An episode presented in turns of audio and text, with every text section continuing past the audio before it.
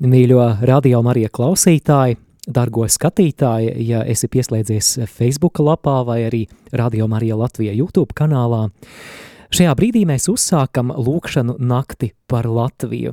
Lūkšanu nakts ievadā es vēlos parunāt par tēmu, kāpēc lūkšana par Latviju šobrīd ir neatliekama nepieciešamība. Jā, es uzsveru, uzsveru neatliekama nepieciešamība. Šajā runā, dārgā māsa, dārgo brāli, es vēlos tev sniegt motivāciju un arī to atziņu, kāpēc šāda lūkšana vispār ir nepieciešamība. Kāpēc mums ir jābūt tik trakiem, ka mēs pavadām vairākas stundas vakarā vai varbūt pat naktī, lai darītu to, par ko pasaulē uz mums varētu norādīt ar pirkstu un ar izsmieklu, teikt, nu viņi ir tādi mazliet traki vai fanātiski. Tāpēc paliec kopā, es mēģināšu mm, apmēram 20 minūšu laikā paskaidrot šo domu. Bet iesāksim ar lūkšanu Dieva tēva un dēla un svētā gara vārdā Āmen. Mīļais kungs Dievs, mēs veltījam Tev šo lūkšanu nakti, kuru šajā brīdī uzsākam, un Dievs mēs lūdzam apvieno mūsu lūkšanā garā un patiesībā. Dievs, šajā naktī un šajā vakarā mēs piesaucam tevi, lūdzot par to, kas mums ir dārgs.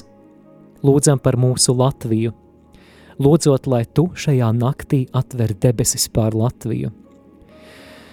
Mēs lūdzam, lai šīs lūkšanas sākumā tu tagad izlai savu svēto garu pār ikvienu radio klausītāju, arī šeit studijā, lai mēs sajūtam tavu klātbūtni lai tu esi tas, kurš dod mums spēku lūgties, lai tu esi tas, kurš dod mums iedvesmu lūgties. Kungs, mēs lūdzam piepildi mūsu sirdis tā, ka lūkšana pāri plūst, pateicībā, uzticībā, ticībā, cerībā un mīlestībā. Un Dievs, mēs nākam tavā priekšā ar pilnīgu pārliecību, ka tas, ko mēs darīsim, Tas, ka mēs kopā vienosimies lūkšanā par Latviju, ka tam būs nozīme, ka tā nebūs vienkārši kāda programma, programmas dēļ, bet ka tam būs ietekme, kungs. Ka no šādām lūkšanām, kāda tā būs šajā vakarā, daudz kas ir atkarīgs, ka daudz kas var mainīties. Tad, ja mēs nākam vienotībā un paļāvībā uz tevi, kungs. Mēs lūdzam izlēt bagātīgi savu svēto garu, un eh, mēs lūdzam arī visvētākās jaunavas Marijas aizbildniecību, kuras svētkus šodien svinam, uzticot arī viņas aizbildniecībai šo zemi, Latviju, kas ir Māras zeme, kas ir Dievmātei veltīta zeme. Un mēs lūdzam, lai caur Dievmātes aizbildniecību šī zeme atzimtu ticībā, cerībā, mīlestībā, labklājībā, lai tās drošība tiktu stiprināta – To mēs lūdzam Jēzus Kristus vārdā. Āmen. Dieva tēva un dēla un svētā gara vārdā. Āmen. Mīļo klausītāji un eh, mīļo skatītāji, es eh, vēlos tev kaut ko pajautāt. Kad tu pēdējo reizi esi lūdzies ļoti, ļoti, ļoti, ļoti, ļoti, ļoti dedzīgi un mērķtiecīgi? Nu tā, ka vienkārši esi tu un Dievs, un ka tu sauc uz Dievu tik patiesi, tik neviltoti, nevis tāpēc, ka kāds tevi pierunāja, nevis tāpēc, ka tas kaut kur ir ierakstīts kādā programmā, bet vienkārši Dievs, tu mums esi vajadzīgs šajā situācijā vairāk kā jebkad agrāk. Lūdzu, palīdzi Dievs! Kad tu pēdējo reizi līdzīgi lūdzies? Zini, ko klausītāji, es tev kaut ko pateikšu par to brīdi, kad tas tā notika. Vai zini, kas tevi motivēja tajā brīdī? Tev bija kāds svarīgs un neatliekams iemesls. Jā, es zinu, es varbūt ievadā izklausīšos mazliet dramatisks, bet, nu, piemēram, es domāju, ka mēs daudz esam piedzīvojuši tādas situācijas, kad mēs uzzinām, ka, piemēram, kāds mūsu radinieks vai draugs ir nokļuvis reanimācijā pēc autoavārijas. Kas notiek? Vai tu atceries lūkšanu šādā vai līdzīgā brīdī? Tu lūdz kā vēl nekad. Tu lūdz pats, tu aicini to darīt savus draugus, tu nosūti īziņas visiem saviem kristiešu kontaktiem, lai lūdz šajā nodomā. Tu atsūti savu lūkšanu nodomu uz radio Marija ēteru, jo saproti, ka tā ir neatliekama lieta. Un šī lietas neatliekamība lūkšanā ienes īpašu mērķtiecīgumu un pastāvīgumu. Varbūt jautāsi, kāpēc es runāju tieši par šādu lūkšanu. Redzi, tieši ar šādu mērķtiecību un pastāvību mums šobrīd būtu jālūdz par Latviju. Kāpēc es to pastāstīšu pēc kāda brītiņa, bet šī pārliecība, ka mūsu kā kristiešu atbildēji uz šodienas izaicinājumiem Latvijai ir jābūt tieši kopīgai, dedzīgai un mērķtiecīgai lūkšanai. Šajā pārliecībā Radio Marija tevi aicina uz lūkšanu nakti jau tagad, šajā piekdienā, 8. decembrī. Un šis ir aicinājums lūgt par Latvijas nākotni tā, it kā tā būtu kāds no mūsu tuviniekiem, kas šobrīd atrodas reanimācijā. Nē, es ne, nejokoju, tu nepārklausījies. Jo tieši šādas lūkšanas par Latviju šobrīd ļoti pietrūkst. Nu, kad tu pēdējo reizi esi šādu lūkšanu kaut kur uh, Latvijā redzējis, kādā draudzē vai, vai kur? Es uzskatu, ka šādas lūkšanas šobrīd ļoti pietrūkst. Un kāpēc tā ir vajadzīga? Kāpēc šī situācija ir tik dramatiska un neatliekama? Nopietnu izaicinājumu, kas apdraud Latvijas nākotni, ir daudz. Es minēšu tikai dažus piemērus. Piemēram, demogrāfijas joma. Dramatiski negatīvais iedzīvotāju dabiskais pieaugums, vai zināja, ka Centrālā statistikas pārvalde ziņo, ka šobrīd mēs esam sasnieguši rekordu. Proti pēdējo simts gadu laikā Latvijā mums ir viszemākie dzimstības rādītāji, bet, protams, mirt mēs turpinām. Un šādai tendencei turpinoties, mēs kā tauta vienkārši iznīkstam.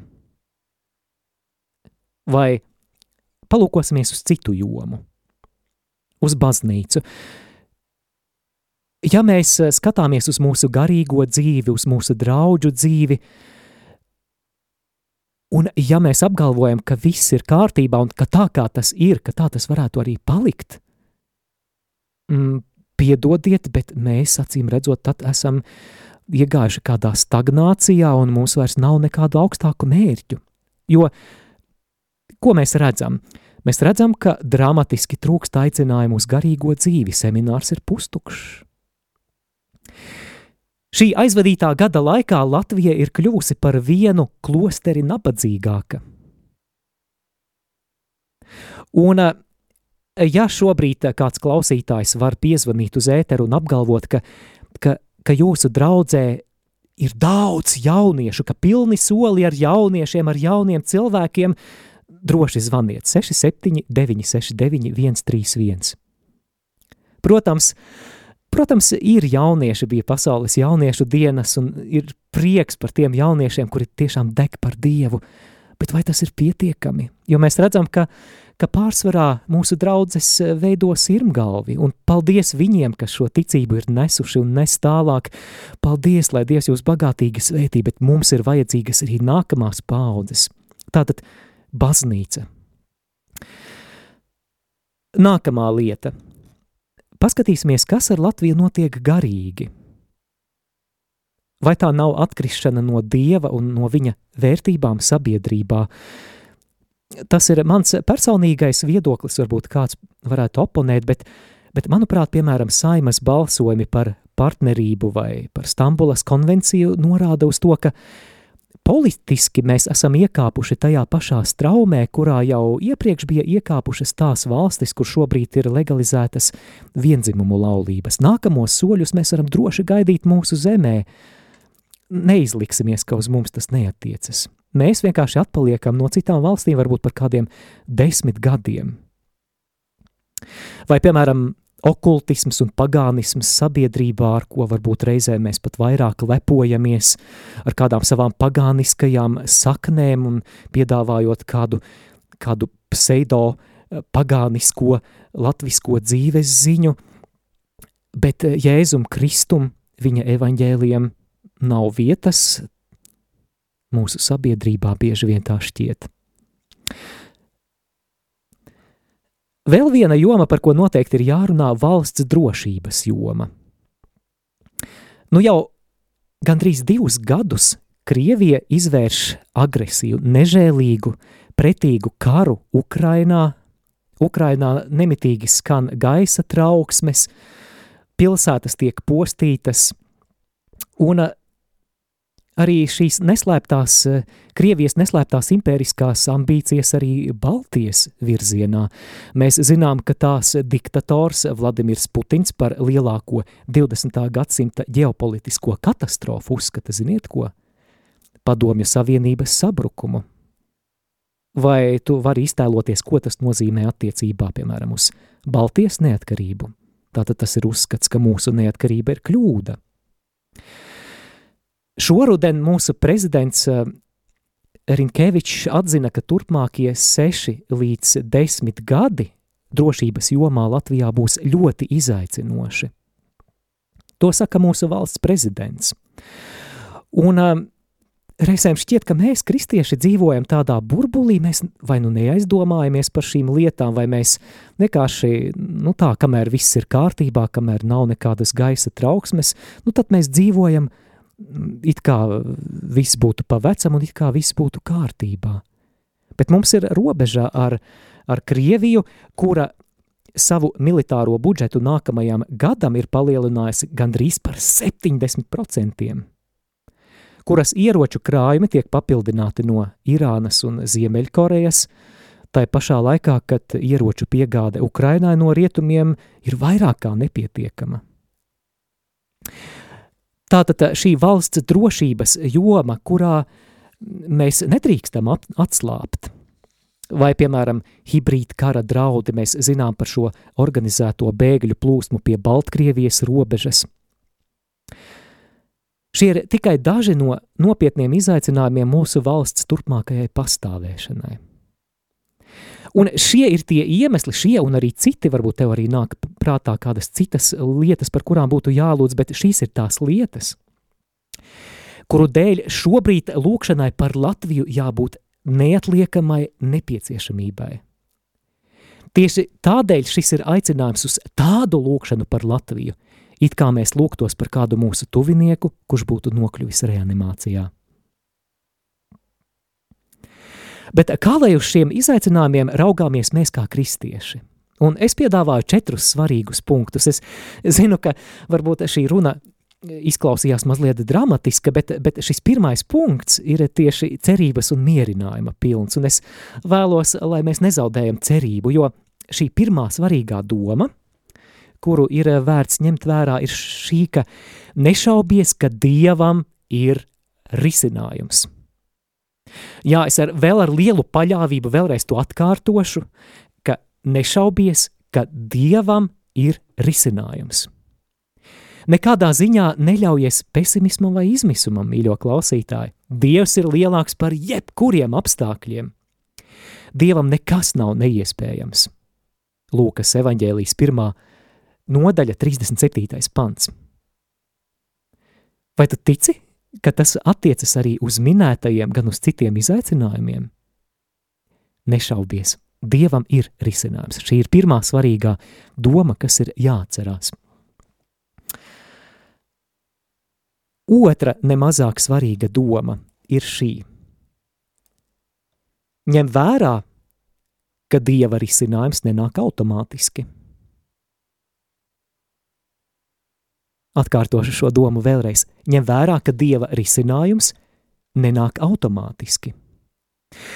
Jā, mēs esam aicināti saglabāt cerības pilnu, optimistisku skatījumu uz lietām, bet tajā pašā laikā mēs nedrīkstam sevi mierināt ar viltus cerību, ka, nu, gan jau tie sarežģījumi kaut kā paši no sevis atrisināsies. Zini, ko raksta svētais Jēkabs? Jēkaba vēstules 4. nodaļā, 2. pantā jūs nesaņemat tādēļ, ka nelūdzat. Jūs nesaņemat tādēļ, ka nelūdzat. Vai, piemēram, ja mēs lasām vecās derības praviešus, mēs eh, vispār vecajā derībā redzam, cik bieži Jeruzalemes pilsēta, šī dieva izvēlētā svētā pilsēta, cik bieži tā bija dažādu krīžu skarta. Bet pievērsiet uzmanību, ka Dievs svētajos rakstos neaicina Jeruzalemes atzimšanu gaidīt pasīvi kā kaut ko garantētu un pašsaprotamu, ka tas vienkārši automātiski nāks. Dievs aicina uz proaktīvu nostāju.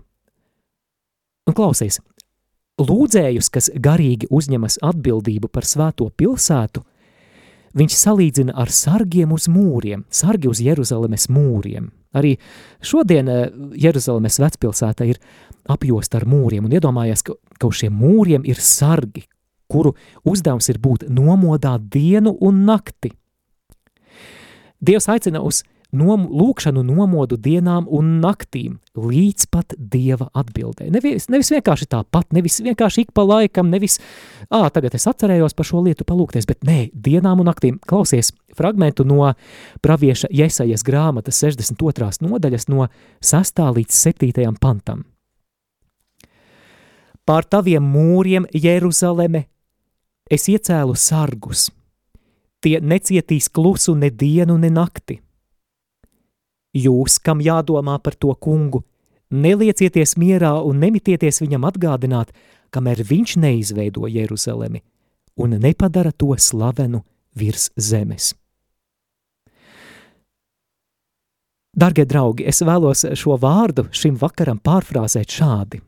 Jeruzalemes vietā ieliksim vārdu Latvija. Pār taviem mūriem Latvija es iecēlu sargus – Tie necietīs klusu ne dienu, ne nakti. Jūs, kam jādomā par to kungu, neliecieties mierā un nemitieties viņam atgādināt, kamēr viņš neizveid, neizveido Latviju un nepadara to slavenu virs zemes. Tātad pirmā doma bija nešaubies, ka Dievam ir risinājums. Otrā doma ir ņem vērā, ka Dieva risinājums nenāk automātiski – Bet tagad parunāsim par trešo svarīgo domu.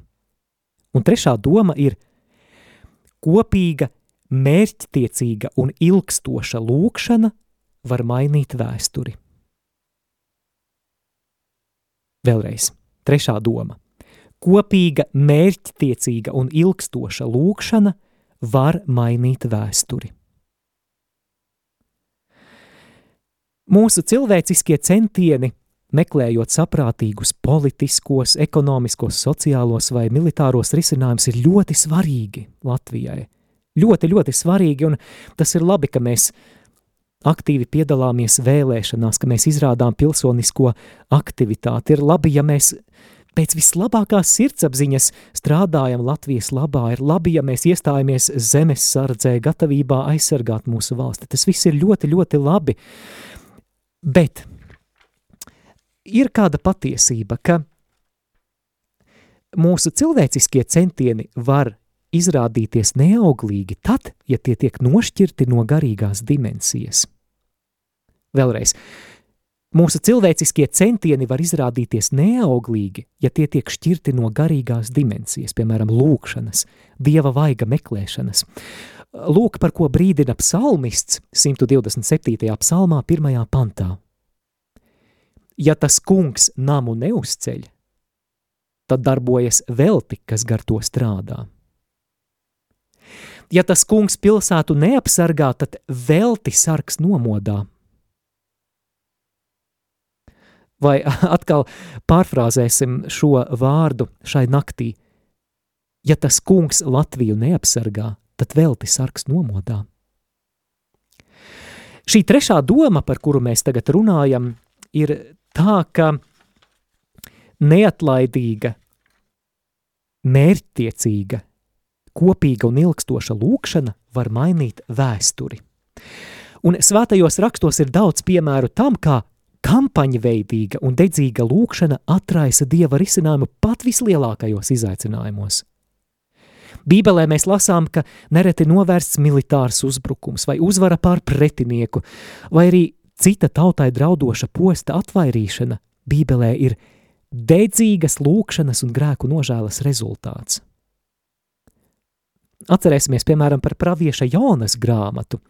Ir Ninīves pilsēta, un Ninīvei draud uh, briesmas, draud iznīcināšana, un atcerieties, ka tas uh, pravietis Jona, kuru zivs bija norījusi, jo sākumā viņš negribēja izpildīt savu misiju, tomēr dodas pa Ninīves ielām un sludina atgriezieties no grēkiem, jo, jo Ninīve drīz tiks izpostīta.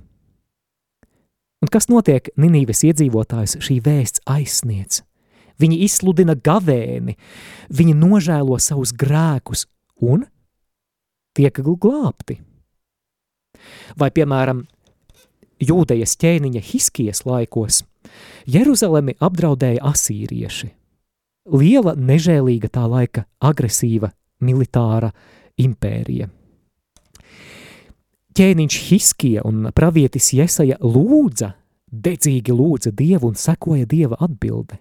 Asīrieši vienkārši aizgāja projām. Un pievērsiet uzmanību, ka šie risinājumi nebija, nenāca kā pašsaprotami, nenāca kā garantija. Tie nāca kā rezultāts dedzīgai, mērķtiecīgai lūkšanai. Mēs varētu minēt arī daudzus citus piemērus no svētajiem rakstiem, par to varbūt arī kādreiz randiņā ar bībeli, bet šie bija tikai daži no piemēriem bībelē tam, kā risinājums krīzei nāk kā atbilde uz neatlaidīgu, dedzīgu un mērķtiecīgu lūkšanu. Un tieši šāda lūkšana šobrīd ir vajadzīga par Latviju. Tieši šādas lūkšanas, kad mēs piesaucam Dievu nodomā par Latviju tā, kā vēl nekad agrāk, pagaidām šādu lūkšanu es neredzu. Un es ceru, ka šī lūkšanu nakts šeit radio Marija ēterā kalpos kā sākums, kas palīdzēs lūkšanas ugunī izplūst tālāk pa mūsu draudzēm, mūsu personiskajā lūkšanu dzīvē, jo jo mērķtiecīgāka, intensīvāka, dedzīgāka, kopīgāka būs mūsu lūkšana, jo, jo lielākus dieva darbus mēs redzēsim mūsu zemē Latvijā. Piemērus tam, ka dieva vaiga meklēšana krīzes situācijās maina vēstures trajektoriju, mēs varam atrast arī turpmākajā baznīcas vēsturē. Un visbeidzot, atcerēsimies arī Fatimas diamātes vēstījumu trim ganiņiem. Fatimas diamātes vēstījums, šo vēstījumu caurauž šī doma, ka ir nepieciešama gandarīšana par grēkiem, atgriešanās un lūkšana, un ka tas var mainīt vēstures trajektoriju. Tātad eh, līdz šim runājām par trim domām. Pirmā doma – nešaubies, ka Dievam ir risinājums. Otrā doma – ņem vērā, ka Dieva risinājums nenāk automātiski – Trešā doma - kopīga, mērķtiecīga un ilgstoša lūkšana var mainīt vēsturi.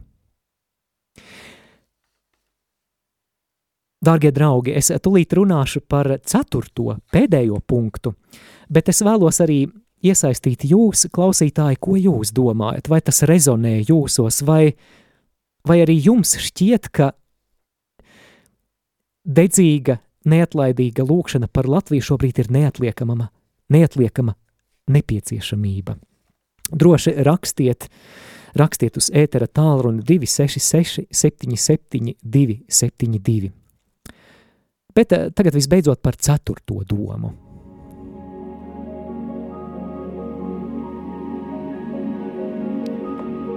Ceturtā doma ir, ir pienācis laiks pacelt lūkšanu par Latviju jaunā līmenī.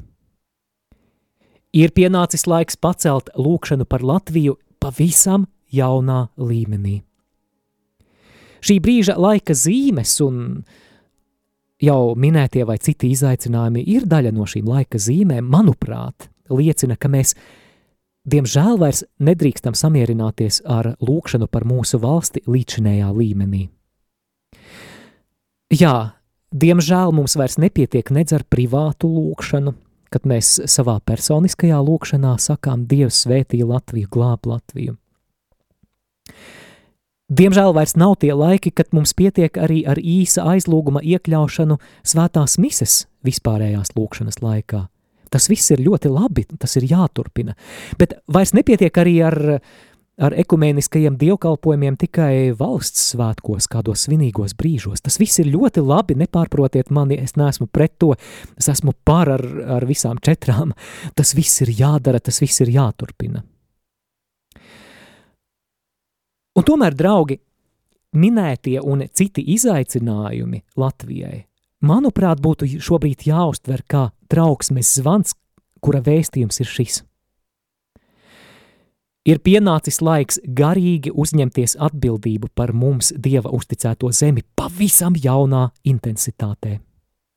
Jeb citiem vārdiem sakot, ir jākļūst par tiem sargiem uz mūriem, kas necieš klusu ne dienu, ne nakti, kamēr Latvija netiek atjaunota. Apustuļu darbu grāmatā 12. nodaļā mēs lasām par kādu epizodi pavisam jaunās, tikko piedzimušās baznīcas dzīvē. Ir sākušās kristiešu vajāšanas. Un ķēniņš Hērods apustuli Pēteri pēc tam, kad apustulis Jēkabs ir nogalināts un jūdiem tas ir paticis, tagad uh, Hērods apcietina Pēteri un iemet cietumā. Un mēs redzam, ka baznīca reaģē uz šo situāciju, un kā viņa reaģē? Viņa neiziet piketos, tā nemēģina ar, ar varu ieņemt to cietumu, kurā ir ieslodzīts apustulis Pēteris. Ko viņi dara? Viņi paliek neatlaidīgā lūkšanā par Pēteri. Es paskatījos, ka grieķu tekstā ir lietots vārds ektenes, kas mūsu tulkojumos ir, ir vai nu dedzīgs, Tātad šim vārdam var būt nozīme, ka dedzīga lūkšana, bet šim vārdam ir arī kāda nozīme, kas norāda uz kaut kā izstiepšanu. Tātad dedzīgumam šeit nāk līdz arī ilgstošums vai pastāvīgums laika izteiksmē. Un vai tu kaut kur šodien baznīcā esi redzējis šādu lūkšanu? Proti, šī apziņa, ka ir kāda vajadzība, ka tā ir tik steidzama, tik neatliekama vajadzība, atkal atgriezīsimies pie šīs līdzības ar kādu tuvinieku vai draugu reanimācijā, ka ticīgie lūdz par šo vajadzību, ka tie sapulcējas kopā pēc grafika un ārpus grafika, jo apzinās, ka lieta ir tik nopietna un neatliekama.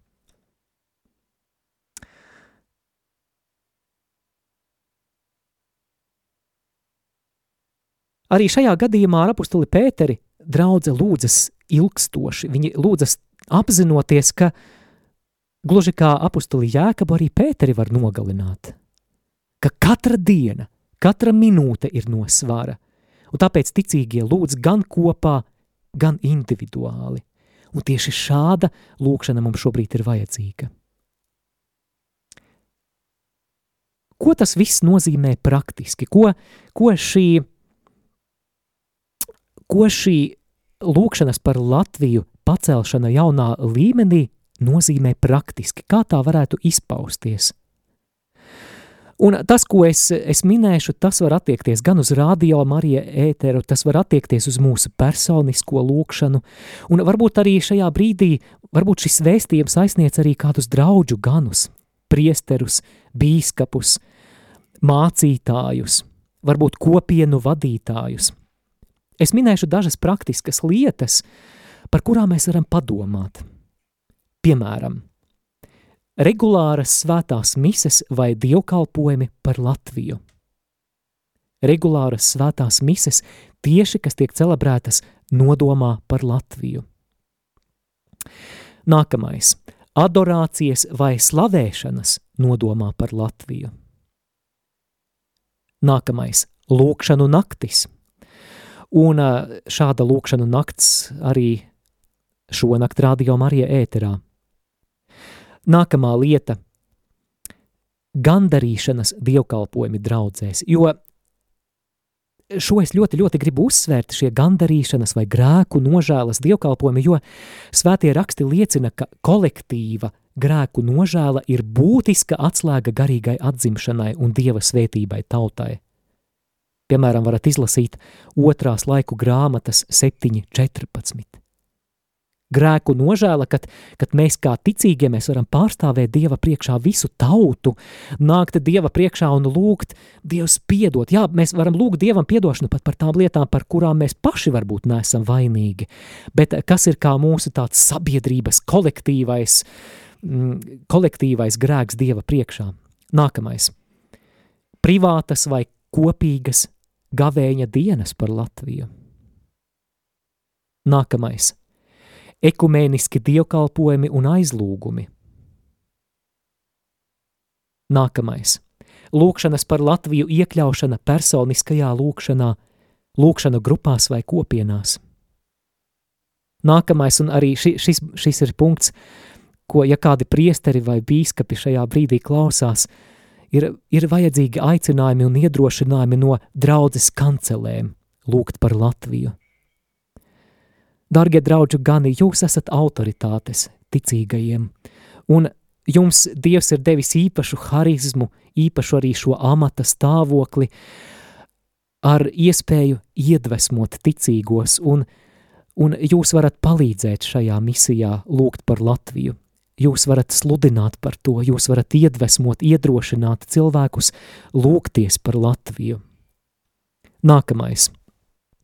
Svētceļojumu veltīšana šajā nodomā attiecīgajā sezonā, piemēram, mums eh, jau maijā būs svētceļojumi uz Skaistkalni, augustā no dažādām draudzēm svētceļojuma grupas dosies uz Aglonu, un eh, kāpēc gan jaunajā gadā nepaņemt eh, svētceļojuma to kopējo tematu, tematu, tēmu un arī lūkšanu fokusu tieši lūkšanu par Latviju, Vai jūs ticat, ka tam būtu liels, liels spēks?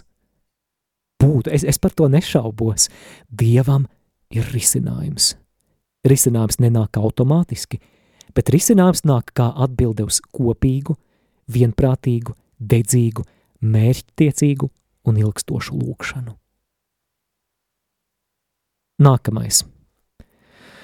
Tematiskas krustaceļa lūkšanas par Latviju lielā gavēņa laikā – Nākamais – kopīgi rožu kroņa lūkšanas gājieni pa Latvijas pilsētām. Es ļoti, ļoti priecājos, es radio Marija ēterā pirms kāda laika dzirdēju priestera Ilmāra Tolstovas prediķi, kurā viņš mudināja salaspiliešus doties ar rožu kroņiem rokās pa salaspils ielām un lūgt par savu pilsētu. Wow! Es vienkārši gavilēju tajā brīdī, un, un man šķiet, ka šādām iniciatīvām jābūt visās pilsētās. Kad mēs vai nu individuāli, un vēl jo labāk, ja mēs organizēti no savām baznīcām, no savām draudzēm izplūstam uz visām pusītēm, kā, tādi, kā tādas strautiņi, kā tādas tērcītes, izējam uz visām pilsētas pusēm, lai lūgtos par garīgo atmosfēru mūsu pilsētās, mūsu ciematos. Tātad rožu kroņa lūkšanu gājieni par Latvijas pilsētām uzrakstīja ēterā, kā tev tas atbalsojas.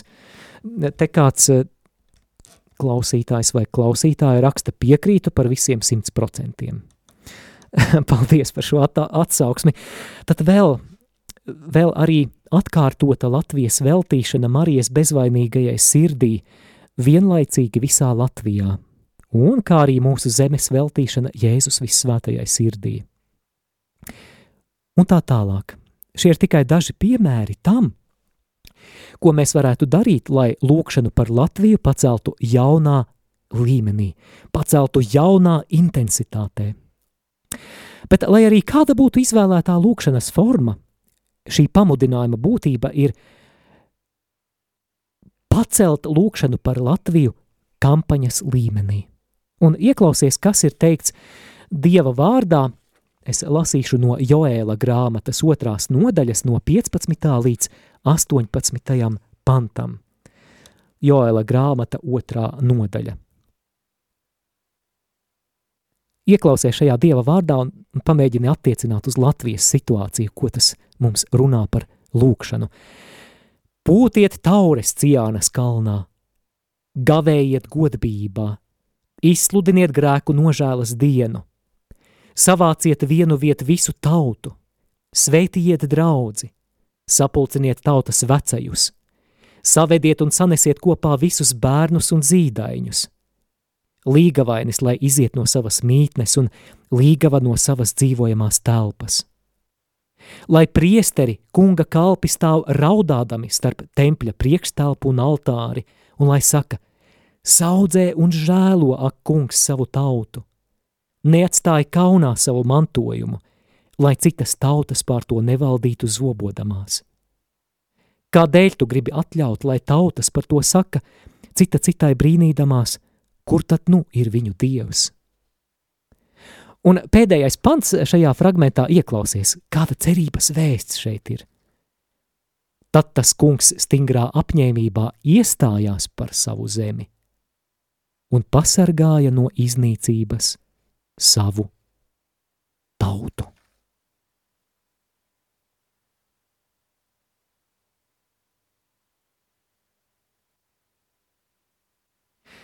Šī laika zīmes liecina, ka kopīga, mērķtiecīga, vienprātīga un ilgstoša lūkšana, kā atbilde uz Latvijas izaicinājumiem, šobrīd ir neatliekama.